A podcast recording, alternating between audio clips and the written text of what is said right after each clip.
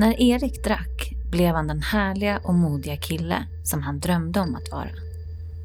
Men de roliga kvällarna blev mer och mer destruktiva och slutade med minnesluckor och ångest. Bristningsgränsen var nådd och Erik kapitulerade inför sin alkoholism. Han fann hjälp hos anonyma alkoholister, vilket förändrade hans liv till det bättre. Han var nykter i många år och ansåg sig ha kommit långt i sitt tillfrisknande. Han arbetade på medvetenhet och sökte sig till olika andliga forum där han tankade energi och sinnesro. Ändå tornade det upp sig att han, trots detta, blundat för något som var mycket smärtsamt. En relation med en kvinna som tog honom med storm. Relationen med kvinnan som Erik dyrkade hade många fina stunder, men var destruktiv och han blev illa behandlad. Det var hårda ord, kritik, psykisk misshandel och manipulation. Erik anpassade sig för att se till att kvinnan mådde bra. Han ändrade på sig själv, lånade ut pengar och lyssnade inte på varnande ord från sina vänner. Känslan av oro var bekant. Erik växte inte upp med något beroende. Känslan av oro var bekant. Han växte inte upp med något beroende, men hans mamma tog mycket uppmärksamhet. Och precis på samma sätt som han som liten anpassade sig till henne fortsatte han anpassa sig i relationer till kvinnor. Oron gav starka känslor som han förknippade med kärlek. Det blev en trigger som fick honom att söka bekräftelse av sin partner. Precis som med alkoholen kunde han rationellt se att hon inte var bra, men han var helt oförmögen att stå emot. Det blev så pass illa att han helt enkelt var tvungen att avsluta relationen. Det han upplevde då var likvärdiga symptom med den abstinens han haft när han beslutade sig för att bli nykter. Det går att sluta dricka, men det går ju inte att sluta älska. Idag arbetar Erik med sitt medberoende och han har insett att andlighet handlar om medvetenhet, närvaro och total ärlighet. Något som han missat tidigare. Man måste se sanningen. Bara då går det att bli fri.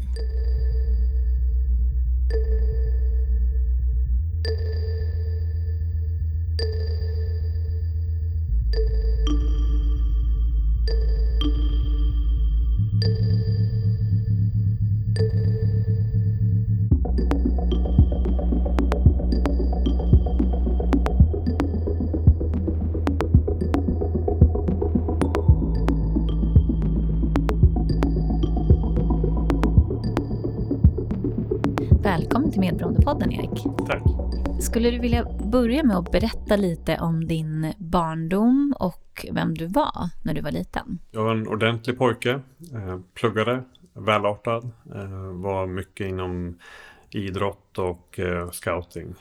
Men mamma och pappa, en två år yngre syster. Och hur såg familjen ut? Liksom, vad var din roll i den här familjen? Jag var nog den duktiga välartade. Eh, min syster då var lite mera, inte vild, men lite vildare i alla fall. Jag var ändå rätt hämmad. Vad hade du för relation till dina föräldrar? Ja, men min pappa, bra och komplicerad. Han var hemmapappa, eh, Eh, konstnär. Relationen med mamma var väl också, jag tror inte jag reflekterar så mycket över den. Den har väl varit eh, knepigare. Jag tänker när vi pratar mycket om beroende och medberoende så, så så relaterar man ju ofta till att det har varit en tuff bakgrund. Att man har någon liksom, att det finns eh, spår av något trauma eller sådär. Liksom. Skulle du beskriva, det låter ju som att du beskriver din bakgrund som ganska liksom, ja, men ganska så bra och trygg. Mm. Är det så du ser på den idag? Ja, men det finns inga påtagliga problem. Det var mera subtilt. Eh, känslomässigt tror jag lite otryggt. Och jag var en ganska känslig kille också. Och jag tror att jag hade... Jag var inte tuff. Jag var inte jättemobbad, men lite grann. Och kände mig rätt mycket utanför. Men i familjen, kan du se någonting som var dysfunktionellt eller som du kände så här efteråt att det kanske inte var helt stabilt eller tryggt så? Nej, men framförallt då reflekterat över att min mamma inte var helt lycklig. Eh, och jag tror, jag tror också att jag hade rätt mycket känslomässig fokus på min mamma. Hur mår hon? Att jag, jag har minnen av att jag liksom relaterar mycket till henne och försökte ja, kanske hålla henne på gott humör. Eller... Var det en speciell anledning? Mådde hon dåligt? Ja, men lite deprimerad. Jag tänker du pratade om den här duktiga killen och så. Ha, vad hade du för drömmar och mål när du var, när du var ung? Ja, väldigt oklart. Eh, jag, jag, var, höll inte på med, alkohol eller något annat egentligen förrän jag blev kanske 17-18. Pluggade ganska mycket. Så fort jag fick möjlighet så flyttade jag till universitetet från den staden i Norrland jag bodde och började plugga. Försöka komma underfund med vad jag ville. För jag hade en ganska otydlig egen idé om livet och och eh, ganska oreflekterad, mycket upp i huvudet, tänkte mycket. Men var du duktig i skolan? Sådär? Ja, ja men det var jag. Den delen av dig, var det någonting du hakade på? Alltså var det här att studera, var det någonting som du ändå kände då lite grann var din grej eftersom att det gick bra för dig? Och så? Nej, men det tror jag att jag var rätt mycket fast i prestation. Att vara duktig och eh, men sen plugga, vara aktiv inom studentlivet och börja jobba och eh, fortsatte på den banan att vara ja, men duktig pojke helt enkelt, välartad. Men under ytan så mådde jag inte riktigt bra och för mig var det alkohol då som vart den botemedlet när jag upptäckte det. Att då kunde jag bli ohämmad och rolig och liksom kunna stå på scenen och ta för mig, prata med tjejer.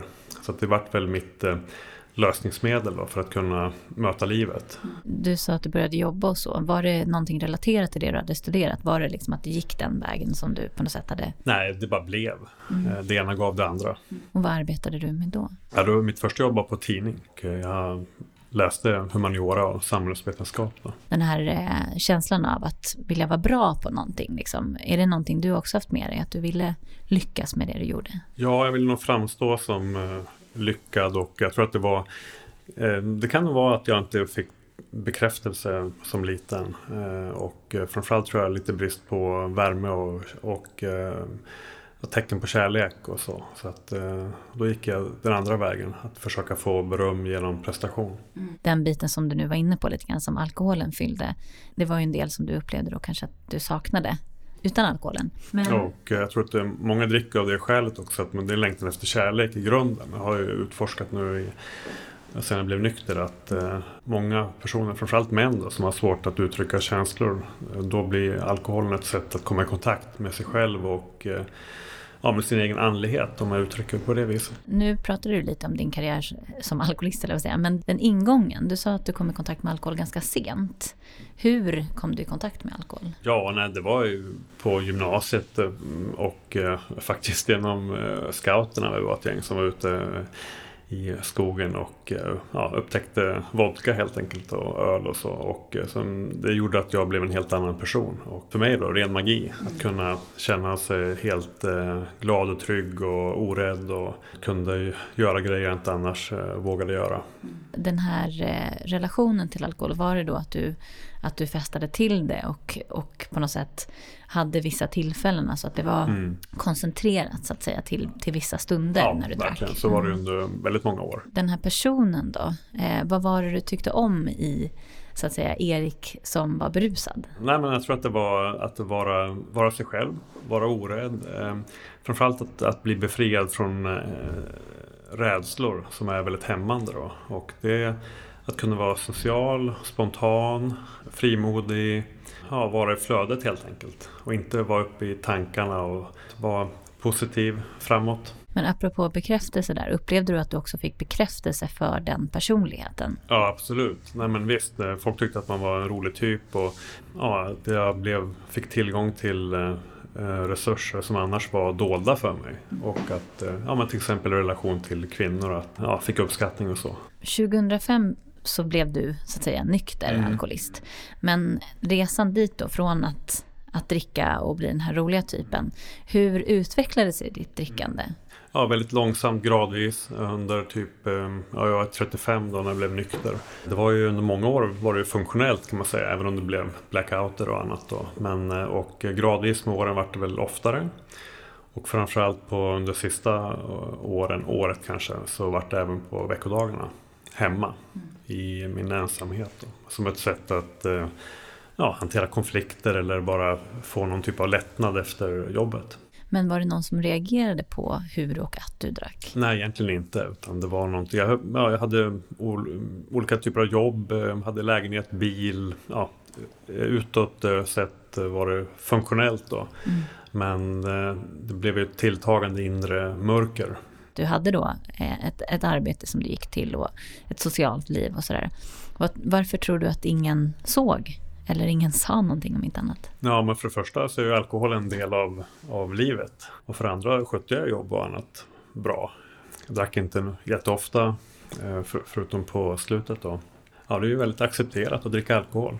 Och eh, det dåliga måendet det ser man ju inte utifrån. Ja, för det finns ju en ganska snäv bild där. Många, när man pratar alkoholism så är det väldigt många som ser den här parkbänksalkisen. Mm. Och att den är kanske lite mer uppenbar. Man, man ser den och man förstår på något sätt vad det gör med en människa. Men när började du känna att det här, ditt förhållande till alkohol inte var helt sunt och bra? Ja, nej, det var bara sista månaden kanske eh, jag verkligen fick någon typ av ett uppvaknande, en aha-upplevelse av att nej, men det här är inte normalt. Och jag kommer ihåg att jag läste någon roman också om någon kille som åkte in på behandling och eh, kände igen mig på något vis. Och jag hade ju aldrig själv tänkt på mig själv eh, som alkoholist eh, eller att jag hade egentligen problem. Däremot visste jag att det var, ibland gick det dåligt helt enkelt. Jag fick negativa konsekvenser och kunde få blackouter och det hände tokiga grejer helt enkelt. Och men för mig var det mera, ja, var det som hände var rätt normalt, ingenting jag reflekterade över. Men jag kommer ihåg att på, under de sista månaderna, veckorna, så fick jag en uppenbarelse av att ja, men det här är sjukligt.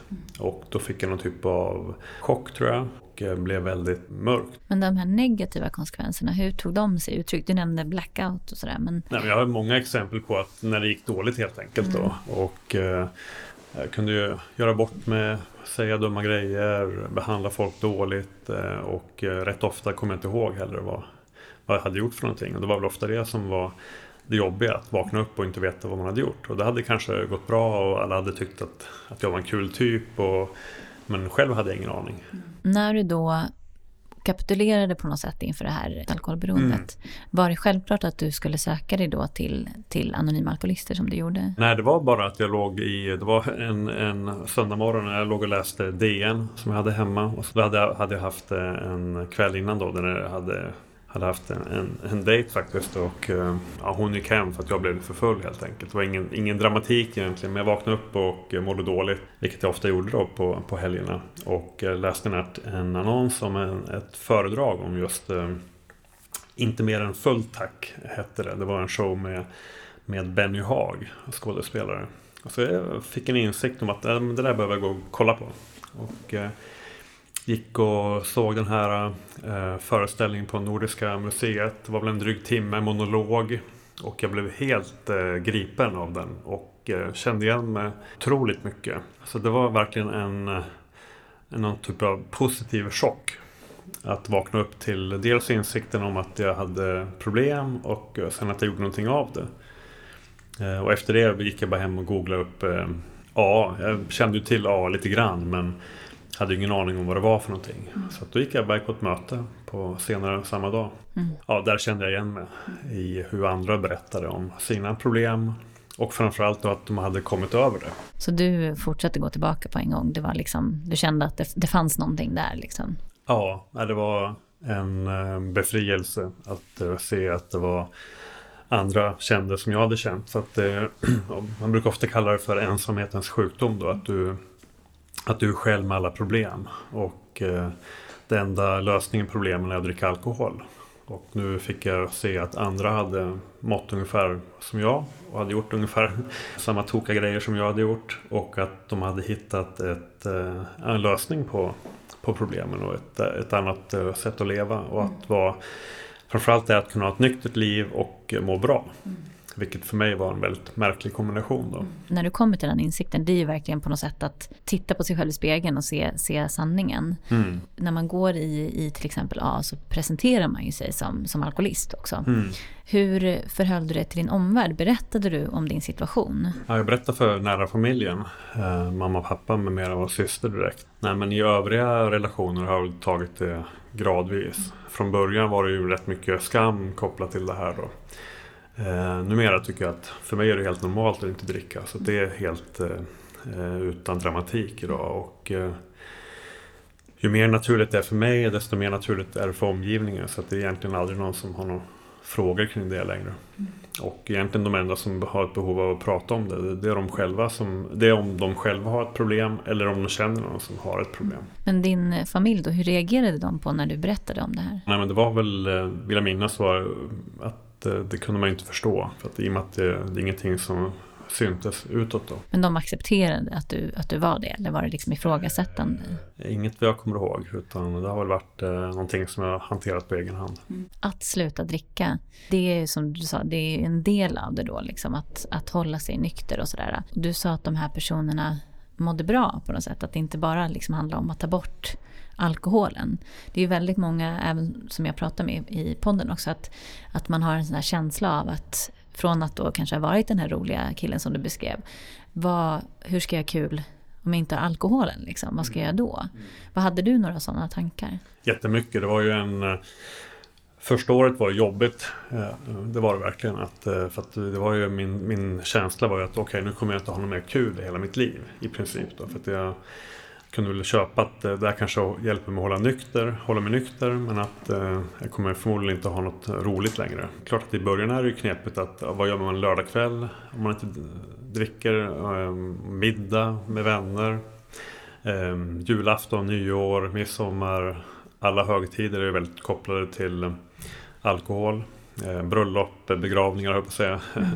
Någonting som är väldigt förknippat med att vara vuxen också. Att kunna klara av att och dricka alkohol och eh, tror jag också för många män att det är en del av någon typ av manlighet och ett manligt ideal att man ska klara av att ta en dry martini. Det var väl för övrigt det jag kände mig ofta som när jag, var, när jag drack alkohol att då var, blev jag lite mer som James Bond. Mm. Eh, och eh, när jag blev nykter då blev jag eh, barn på nytt.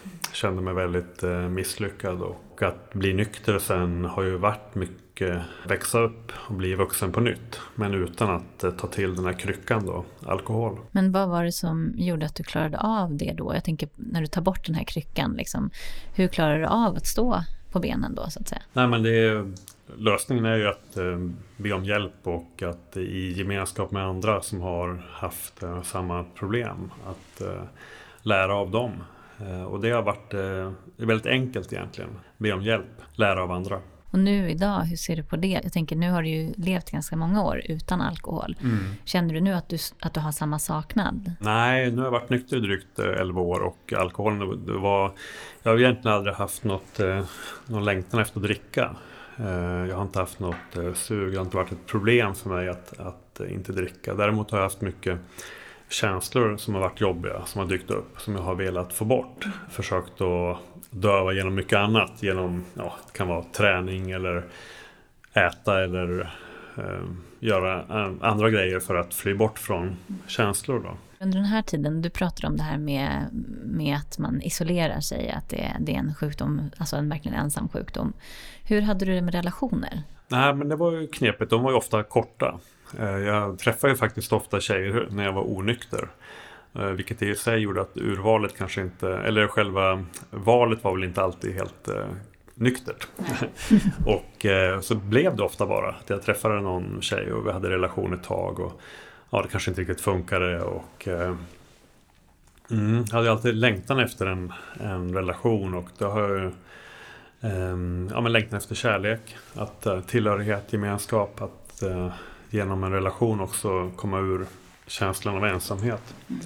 Eh, och det är en väldigt naturlig drift också att vilja ha en, en, en relation. Jag tror att jag var väl inte känslomässigt mogen helt enkelt för att öppna mig fullt ut.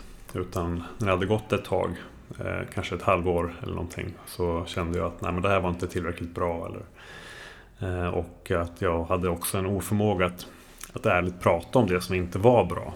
Så det gjorde också att det blev inte en det blev inget eh, tillfälle att reda ut det eller hitta en väg framåt. Utan för mig var det ofta då utvägen var att eh, lämna relationen. Eller att eh, se till att den ebbade ut. Mm. Men förändrades den biten efter att du hade, alltså när du blivit nykter? Det första som hände var att jag hade, helt, hade ingen förmåga att ha en relation. Utan jag hade varit fullt upptagen med att få ordning på mitt liv. Och Eh, det dröjde väl kanske tror jag, nästan ett år innan jag gick ut igen. Det var väl några i programmet då som eh, var ute på krogen på, ja, men som kalv på grönbete lite grann. Eh, och sen tog det mig ett antal år i nykterheten att börja våga träffa tjejer utan alkohol i, i, som någon typ av doping. Och eh, det har verkligen varit en, en resa att försöka att eh, ja, men växa upp till en, en ja, riktig man, kanske är fel ord, men, men en vuxen, eh, mogen person mm. som vågar möta en annan människa och eh, vara ärlig och våga, ja, men våga ta för sig av livet igen. Att vara eh, orädd i en, i en positiv mening. Mm. Eh, utan droger eller vara mitt i livet och våga ta en risk. Eh, våga få ett nej. Eh, så det har varit väldigt eh, ja, men spännande och absolut roligt. Jag antar att det fanns ändå några personer som du kanske träffade lite längre och sådär. Kände du att det, det var annorlunda? Det kändes på ett annat sätt än det hade gjort när du träffade tjejer som, som när du inte var nykter? Så att säga. Mm, ja, Ja, bra fråga där. Jag hade ett antal, efter ett antal år, kanske fem år ungefär, började få lite längre relationer igen och blev lite mer mogen och, och eh, har haft ett eh, antal relationer som har varit lite längre. Inte jättelånga då, men kanske ett halvår, ett, ett år. Eh, och eh, jag har ju varit mera närvarande i relationerna. Men det har fortfarande varit en, en utmaning när man blir nära i en relation att, att vara ärlig. Det är ofta lätt att vara ärlig i början och sen när det går ett antal månader då istället för att eh, ta itu med det som är möjligen problem eh, så väljer då båda parter. Och det jag får ta ansvar för min del då, att inte vara fullt ut ärlig eh, och istället då kanske låta det hela ebba ut. Mm.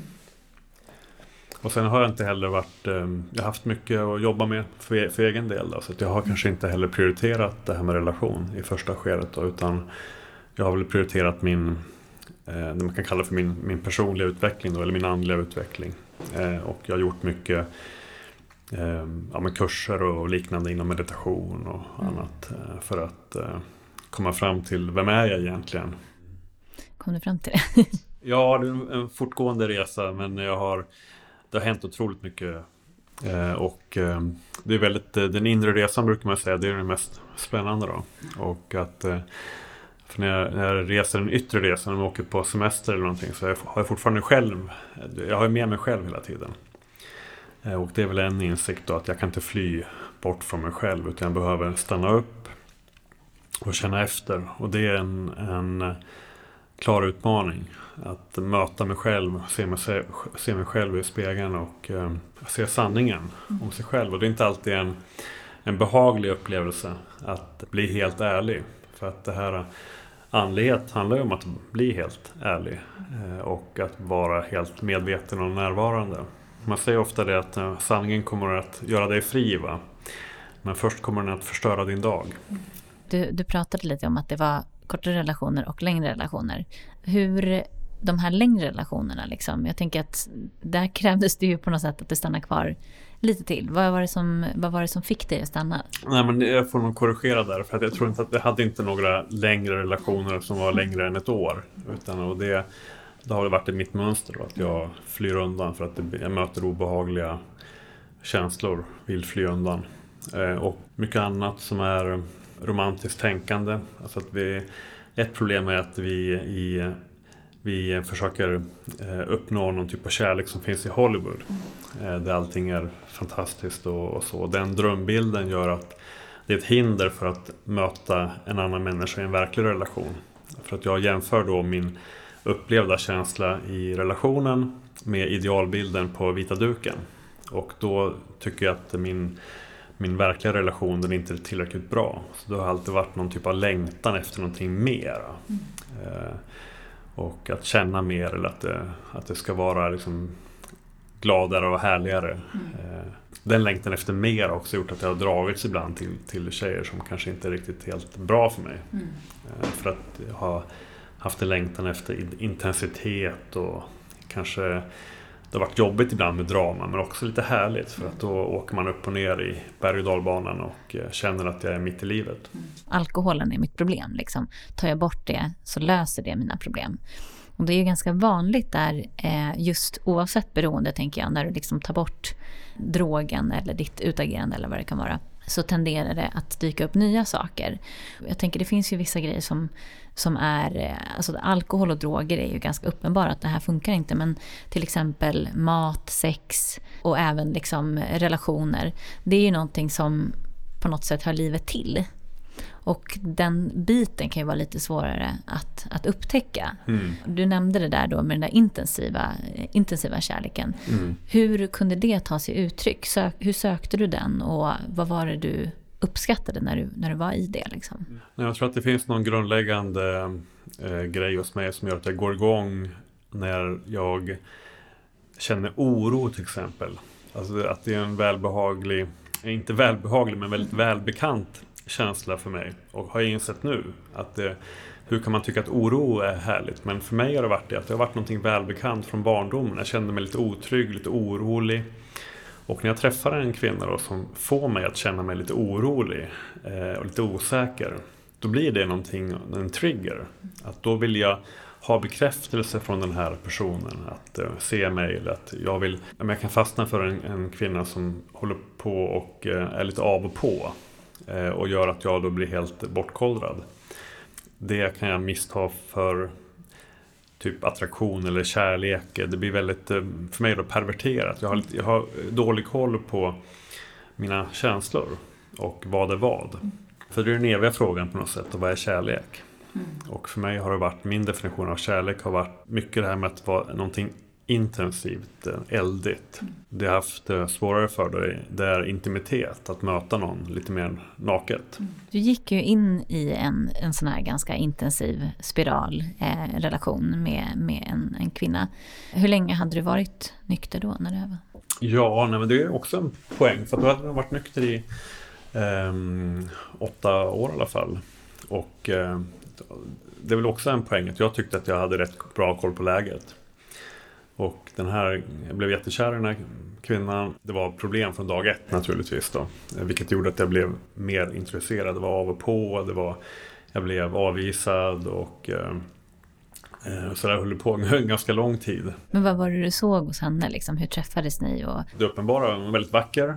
Eh, och vi träffades i ett, eh, ja, på någon typ av festival. Och egentligen i början så det blev ingenting i alla fall. Det var ömsesidig attraktion. Men det som jag tror att jag gjorde att det blev verkligen fast i det hela, det var det här med av och på. Att eh, Vi hördes inte på någon månad, hon hörde av sig igen och ville ha kontakt. Och utifrån sett verkar det ju helt galet. Och mina vänner tyckte att det här, det där kommer aldrig funka, hon är inte riktigt frisk. Liksom. Det är väl ett problem det där att det inte är helt förrän i efterhand och helt klart vad det är som pågår. Utan jag kände liksom flera olika typer av känslor. Det var liksom attraktion och mycket härligt. Och sen med mitt rationella eh, tänkande kunde jag liksom förstå att nej, det här är inte helt bra.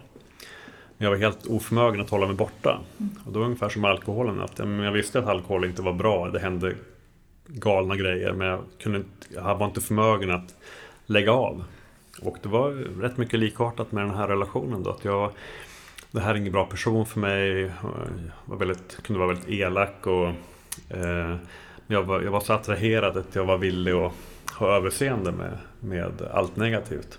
Hur, på vilket sätt var hon elak? Eh, av min upplevelse då att det var Sen blev vi efter några år blev vi tillsammans eh, och då tänkte jag att nu kommer det att bli bra. Nu har hon liksom insett att det är vi och nu kommer hon att bli typ snäll. Man brukar säga att människor förändras väldigt sällan och eh, det är svårt nog att förändra sig själv. jag hade väl också en ambition att förändra henne. Men upplevde du att du förändrades i relationen? Liksom? Eh, ja, nej, men jag blev ju absolut eh, väldigt otrygg och gick in i det vi kan kalla för ett medberoende. Att jag blev väldigt beroende av att hon mådde bra. Liksom att hålla henne på gott humör eller att undvika att hon blev arg. Och jag blev väldigt, tappade mycket av min min, vad ska man säga, min manlighet då. Jag blev väldigt eh, otrygg, orolig. Gjorde allt egentligen för att få det att funka. Tappa bort mig själv. Klarade inte av att sätta gränser eller stå upp för mina behov. Vänner tyckte att jag var helt eh, galen. Och jag själv tyckte också ibland att jag var galen. Men jag hade fortfarande en, en tro som var någon typ av en andlig övertygelse om att det, det, var vi två och det här skulle bara funka. Men vad var det de såg? Vad var liksom, på vilket sätt var hon eh, ostabil och, och så? Ja, men för det första var det av och på, liksom att det var helt opolitlig. Eller helt pålitlig att vara opolitlig kan man säga. Då. Och eh, ja, men starka känsloutbrott och labil, kunde vara väldigt elak, kritisk eh, eh, och kunde vara jättehärlig också. Så det var väldigt det här upp och ner. När det var bra var det väldigt bra, när det var dåligt var det väldigt dåligt. Och det var liksom, kunde, hon kunde be om ursäkt och skriva brev och förklara liksom att det skulle bli ändring. Och, men i slutändan var det fortsatt väldigt instabilt med vredesutbrott. Och, och jag gick in i att försöka fixa och hjälpa och, och kontrollera. Liksom, och i en mening också manipulera. Mm. Att, för att få det jag ville ha, vilket var en, liksom en, en stabil kärleksfull relation. Då. Så att, uh, jag gjorde allt möjligt för att uh, ja, men betala grejer, hjälpa till, låna ut pengar. allt möjligt för att ja, göra henne nöjd helt enkelt. Men blev hon då, uppskattade hon dig mer då? Förändrades hon utav det? Liksom? Ja, men uppskattningen var väldigt kortvarig. Sen kom det en ny typ av, som jag uppfattade då, um, uh, ja, missnöje, kritik eh, och nya typer av krav på att jag skulle göra grejer. Och uh, det var inte alltid bara uttalat utan mera underförstått då. Det man kan kalla för känslomässig utpressning då. Att eh, få mig att göra saker eh, genom att bli missnöjd till exempel. Då. Och, eh, men jag tycker den grundläggande grejen är här då att det är lätt att peka på den andra personen och jag gjorde också säkert en massa dåliga grejer i relationen. Men eh, för mig är grunden att försöka titta på mitt eget beteende.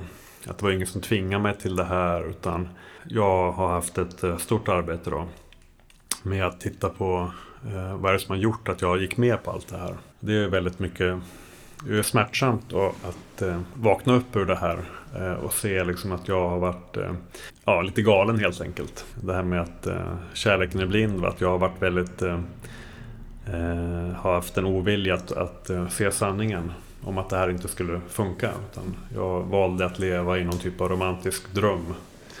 Och att, eh,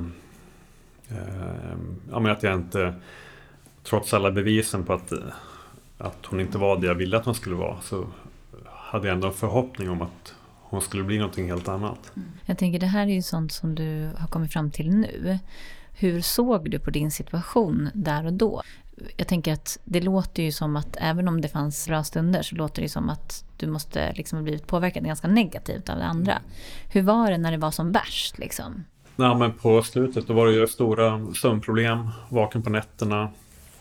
Och sen när uppbrottet skedde då var jag, hade jag två veckor av någon typ av eh, posttraumatisk stress när jag vaknade på nätterna helt sjöblöt och bara hade panik. Eh, och det påminde väldigt mycket om när jag blev nykter, när jag också hade den typen av rent fysiska reaktioner då i kroppen. Att eh, när man går in i någon typ av chocktillstånd och sen när det, när det akuta skeendet är över då, då reagerar kroppen. Mm. Det var inte så att hon var beroende av Nej, och eh, jag ägnade väldigt mycket tid åt att försöka lista ut vad det var för fel på henne. För att jag, jag gick eh, i terapi, jag gick kurser, försökte lista ut liksom alla de här konstiga agerandena, agerandet. Vad beror det på? Vad för, hur kan jag liksom kompensera för det? Eller också en del av medberoendet, att jag försöker liksom förstå en annan person som ja, inte förstår sig själv. Hon är väl lika maktlös inför sin sjukdom eh, som jag är inför mitt medberoende eller min alkoholism. Ja, det är väldigt eh, komplext. Svårt att förklara för en utomstående som inte varit inne i den här snurren själv. Att mm. man kan bli så här oförnuftig. Ja, för det är ganska vanligt också, tänker jag, egentligen oavsett dysfunktionella relationer, att det är ofta utomstående som kan säga, men varför går du inte bara? Mm. Och att där är väl skillnaden då, om du går in i ett medberoende, att det är inte så enkelt som att bara lämna. Hoppet liksom. är det sista som överger då. Och jag har faktiskt tänkt en del på det, det här med att eh, i en mening kan jag känna att jag blev utsatt, utsatt för psykisk misshandel. Eller det kändes i alla fall mm. som det. Och jag har jämfört ibland, eller tänkt på det nu, att eh, jag har ju hört om många kvinnor som har blivit misshandlade fysiskt av, av sina män. Och då har man ju tänkt att men varför lämnar de inte bara? Men det är inte så enkelt utan för det finns ju bra grejer i relationen också. Det finns eh, attraktion och kärlek och det har varit bra och det finns förhoppningar om att, om att det här negativa ska försvinna och det positiva ska vara kvar.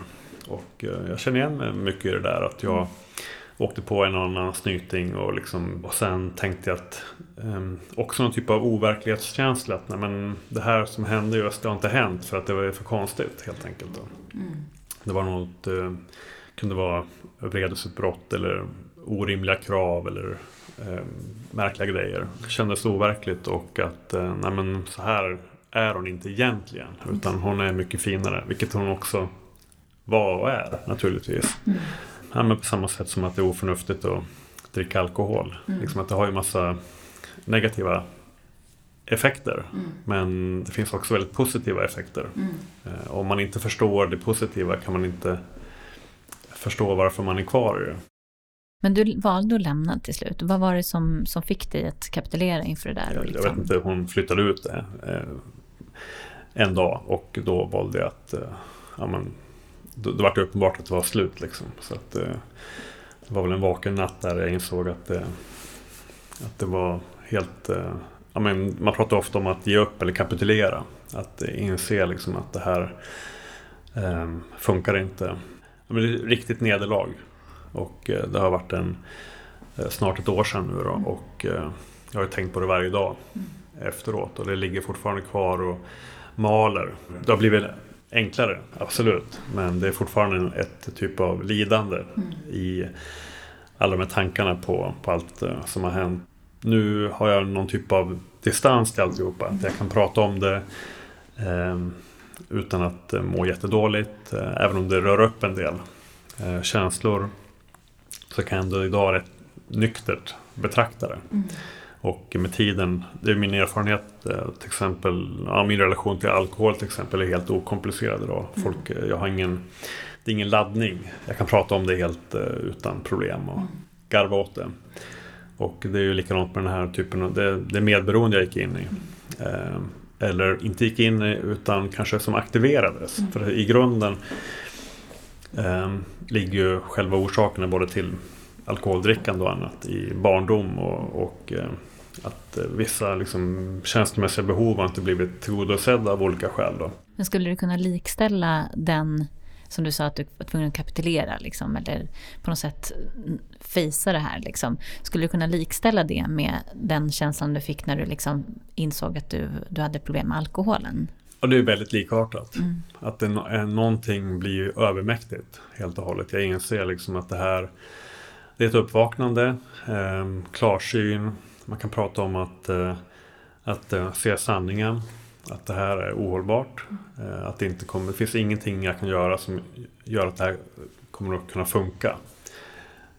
Och det har väldigt stora likheter då med, med ett beroende av en substans. Vad var det för känslor som dök upp då när du, när du insåg det här, ditt medberoende? Ja, chock, förtvivlan, mycket sorg, det finns så mycket förhoppningar som är knutna till en relation. Liksom att, eh, framförallt när man känner så mycket för en person.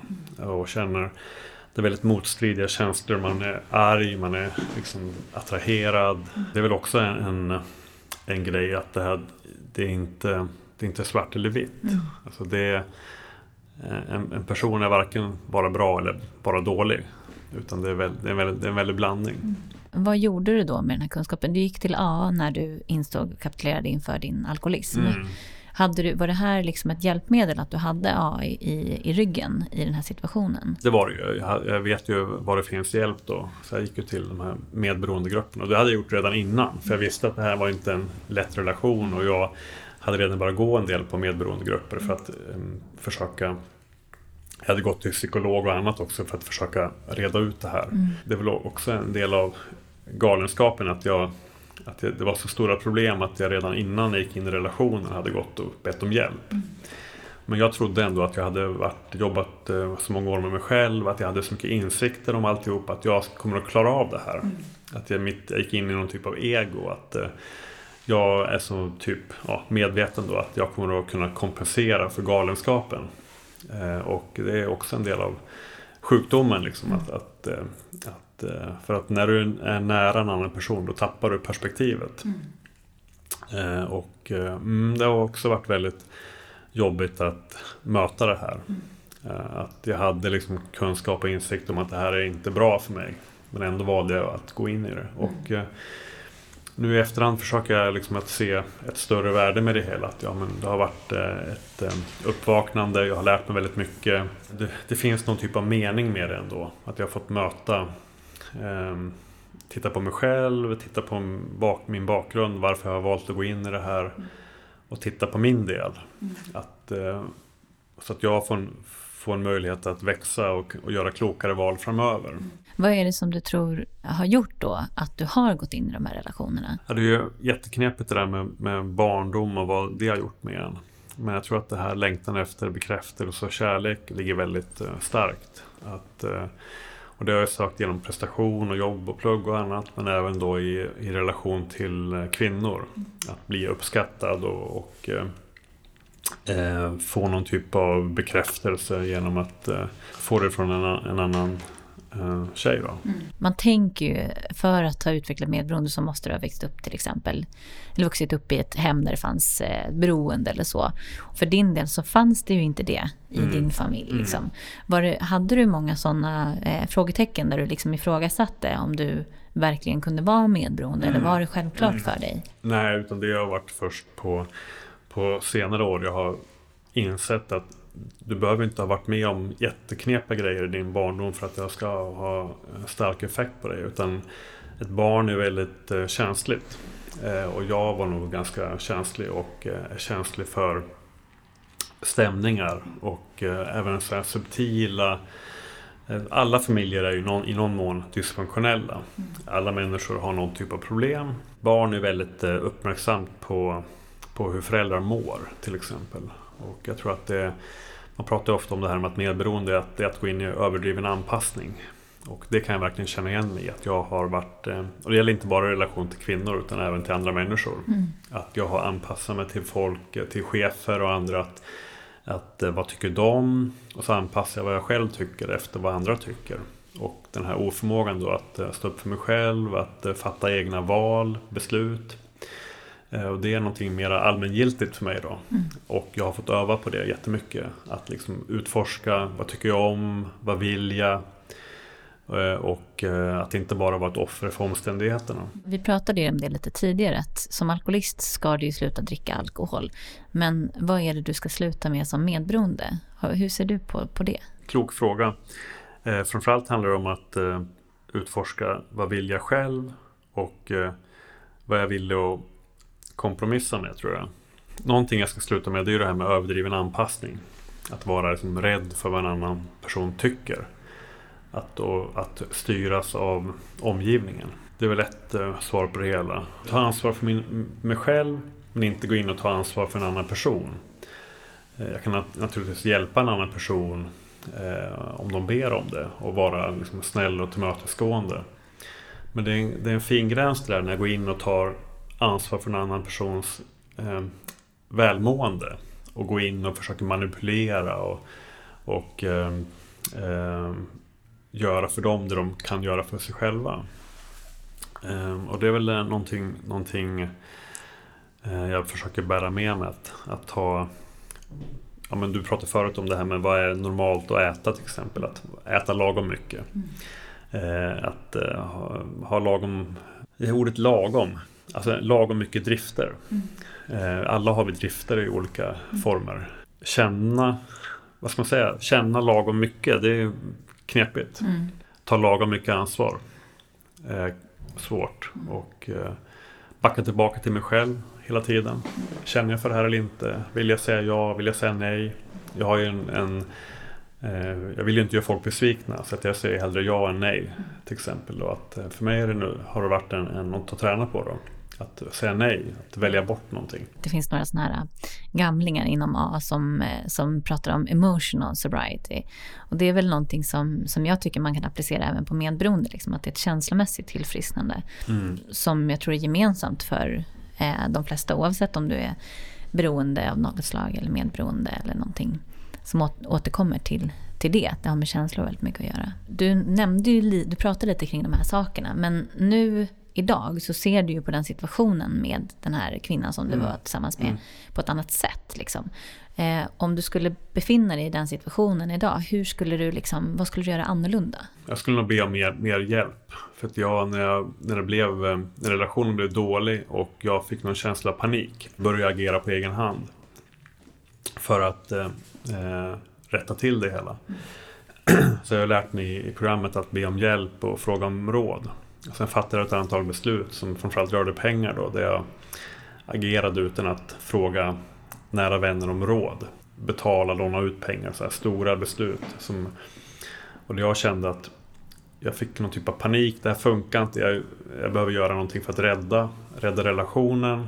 Och då blev jag villig att göra vad som helst för att eh, få det att funka. Och då slutade jag be om råd. Eh, och det är ju klart att när de här grundläggande rädslorna kommer i, i aktiveras, då slutar jag tänka. Liksom. Eh, och då blir de här primala drifterna starka. Det goda rådet är att alltid be om råd. Och det är också det svåra. Och sen att följa råden naturligtvis är också en knepighet. Då. Men att försöka nå en ny nivå av ärlighet är viktigt för mig. Att vara helt ärlig. Eh, Att inte dölja någonting för mina nära rådgivare, eh, mina nära vänner, utan vara helt ärlig. Och det är nyckeln. Du sa att den relationen tog slut för ett år sedan. Har du någonting med dig som du nu kan ta med dig om du går in i, i relationer idag? Har, känner du att du har lärt dig någonting, någonting som är så här viktigt för dig att, att eh, tänka på när, om du inleder en relation? Jag har ju en relation som är väldigt eh, sund och, och fin. och eh, ja, ärlighet, absolut. Knepet är att välja en person som är bra för dig, eller för mig. Där behöver jag också hjälp på något sätt. Att jag, jag gör ett eh, klokt val. Det var jag i alla fall förut och helt oförmögen att göra själv. Nej, men livet är ett äventyr och eh, även de här riktigt jobbiga misstagen då, man kan kalla det för ett misstag, eller motgångarna. För mig har det fört med sig också ett eh, väldigt mycket, mycket lärande, mycket medvetenhet, eh, nya nivåer av eh, att lära känna mig själv på djupet. Så att jag, jag har mer och mer kunnat känna någon typ av tacksamhet också för att jag har mött allt det här. För att jag får, även om det har varit otroligt jobbigt och eh, så har jag ändå fått lära känna mig själv och fått möta delar av mig själv som jag inte riktigt har varit eh, villig att se förut. Eh, så att jag tror ändå att, ja, kanske inte idag då, men lite längre fram att jag kan känna någon typ av tacksamhet för allt som har hänt också. Eh, och nyckeln till att må bättre det är ju att öva på det här med att titta på det positiva. Eh, För mitt mind, eller mitt, min hjärna tänker ju automatiskt alla de här negativa tankarna, återupprepar eh, allting som har hänt eh, och maler. Liksom, eh, och jag behöver öva på att titta på allting jag har. Om jag är frisk, jag har liksom tak över huvudet, mat för dagen, fina vänner. Jag kan räkna upp mängder med grejer som är bra. Och de tar jag för givna. Och jag behöver öva på att eh, titta på det jag har och inte det jag har förlorat. Jag tänker att det är ju ganska många som tar tag i sitt medberoende, har kommit till den här insikten och kanske förstått att jag är inne i en jättedestruktiv relation. Tar beslutet att lämna och sen så händer det ganska mycket när du processar med dig själv. Men sen kommer det just det här att man då kanske ska träffa någon ny. Och rädslan för att det ska bli på samma sätt som det var innan brukar ju ofta dra igång. Att det är lättare på något sätt att, att inte vara i en relation om det är där du har trasslat till dig. Liksom. Ja. ja, det är ju lättare att vara själv. Mm. Det är det ju. Det är lättare och eh, tråkigare. Men har du tänkt någonting kring det? Är det någonting du har med dig? Ja, men jag är inte rädd för att vara själv idag. Det kan jag känna att det känns eh, lugnt. Att jag, den här drömmen jag hade förut, den här romantiska drömmen har gått i, i krasch. Och jag känner mig trygg och lugn i mig själv idag. Och jag behöver inte fylla på med en, med en annan person på det sättet. Däremot kan jag uppskatta att vara med en annan person. Och jag, har, ju en fin relation nu. Och den är på ett helt annat vis än vad det har varit förut. Och jag har tror jag mer, en mera realistisk eh, bild av vad en relation kan göra för mig. Förut hade jag en överdriven förväntan på att det här kommer att... Får jag bara den här kvinnan, då kommer allting att bli fantastiskt. Det var ungefär så jag trodde. Eh, Och det är ett uppvaknande att, att inse att liksom en annan människa kommer inte att få mitt liv att bli kanon. Och nu, du pratade ju väldigt mycket om det, just det här att vikten av att be om hjälp. Om det är någon som lyssnar på det här och känner igen sig i din historia, hur, vilken hjälp ska man ta? Vart, vart börjar man? Mm. Ja, men nu har du ju tips på din eh, podd här då mm. med länkar säkert och annat. Och, eh, eh, mm, jag tror att eh, börja prata med några nära vänner är alltid en bra ingång. Eh, internet är fullt av tips. Ja, men de här eh, mötena är väldigt bra att gå på och försöka lyssna efter likheter. Ja, det finns väldigt många bra böcker. Men jag tror att prova meditera fem minuter. Att försöka, eh, ja, men svaret finns inom dig eh, om du vågar stanna upp och lyssna på det. Och det är också en annan grej tror jag. Eh, meditera en hel del och eh, om jag bara vågar stanna upp och, och, möta det jag känner. Då finns sanningen där också. Eh, men det är väldigt obehagligt att, eh, att möta det obehaget inom sig själv. Det som jag flyr ifrån. Men det är där svaret finns på något mm. sätt. Mm. Ja. Vi stannar där. Tusen tack Erik. Tack. Funderar du på om du är medberoende? Gå in på vår hemsida. Där kan du läsa mer om hur medberoendet ter sig, vilka symptom det har och var du kan vända dig för att få hjälp. I sociala medier heter vi Medberoendepodden och lägger upp sånt som kan vara intressant och inspirerande för dig som känner igen dig i den här problematiken.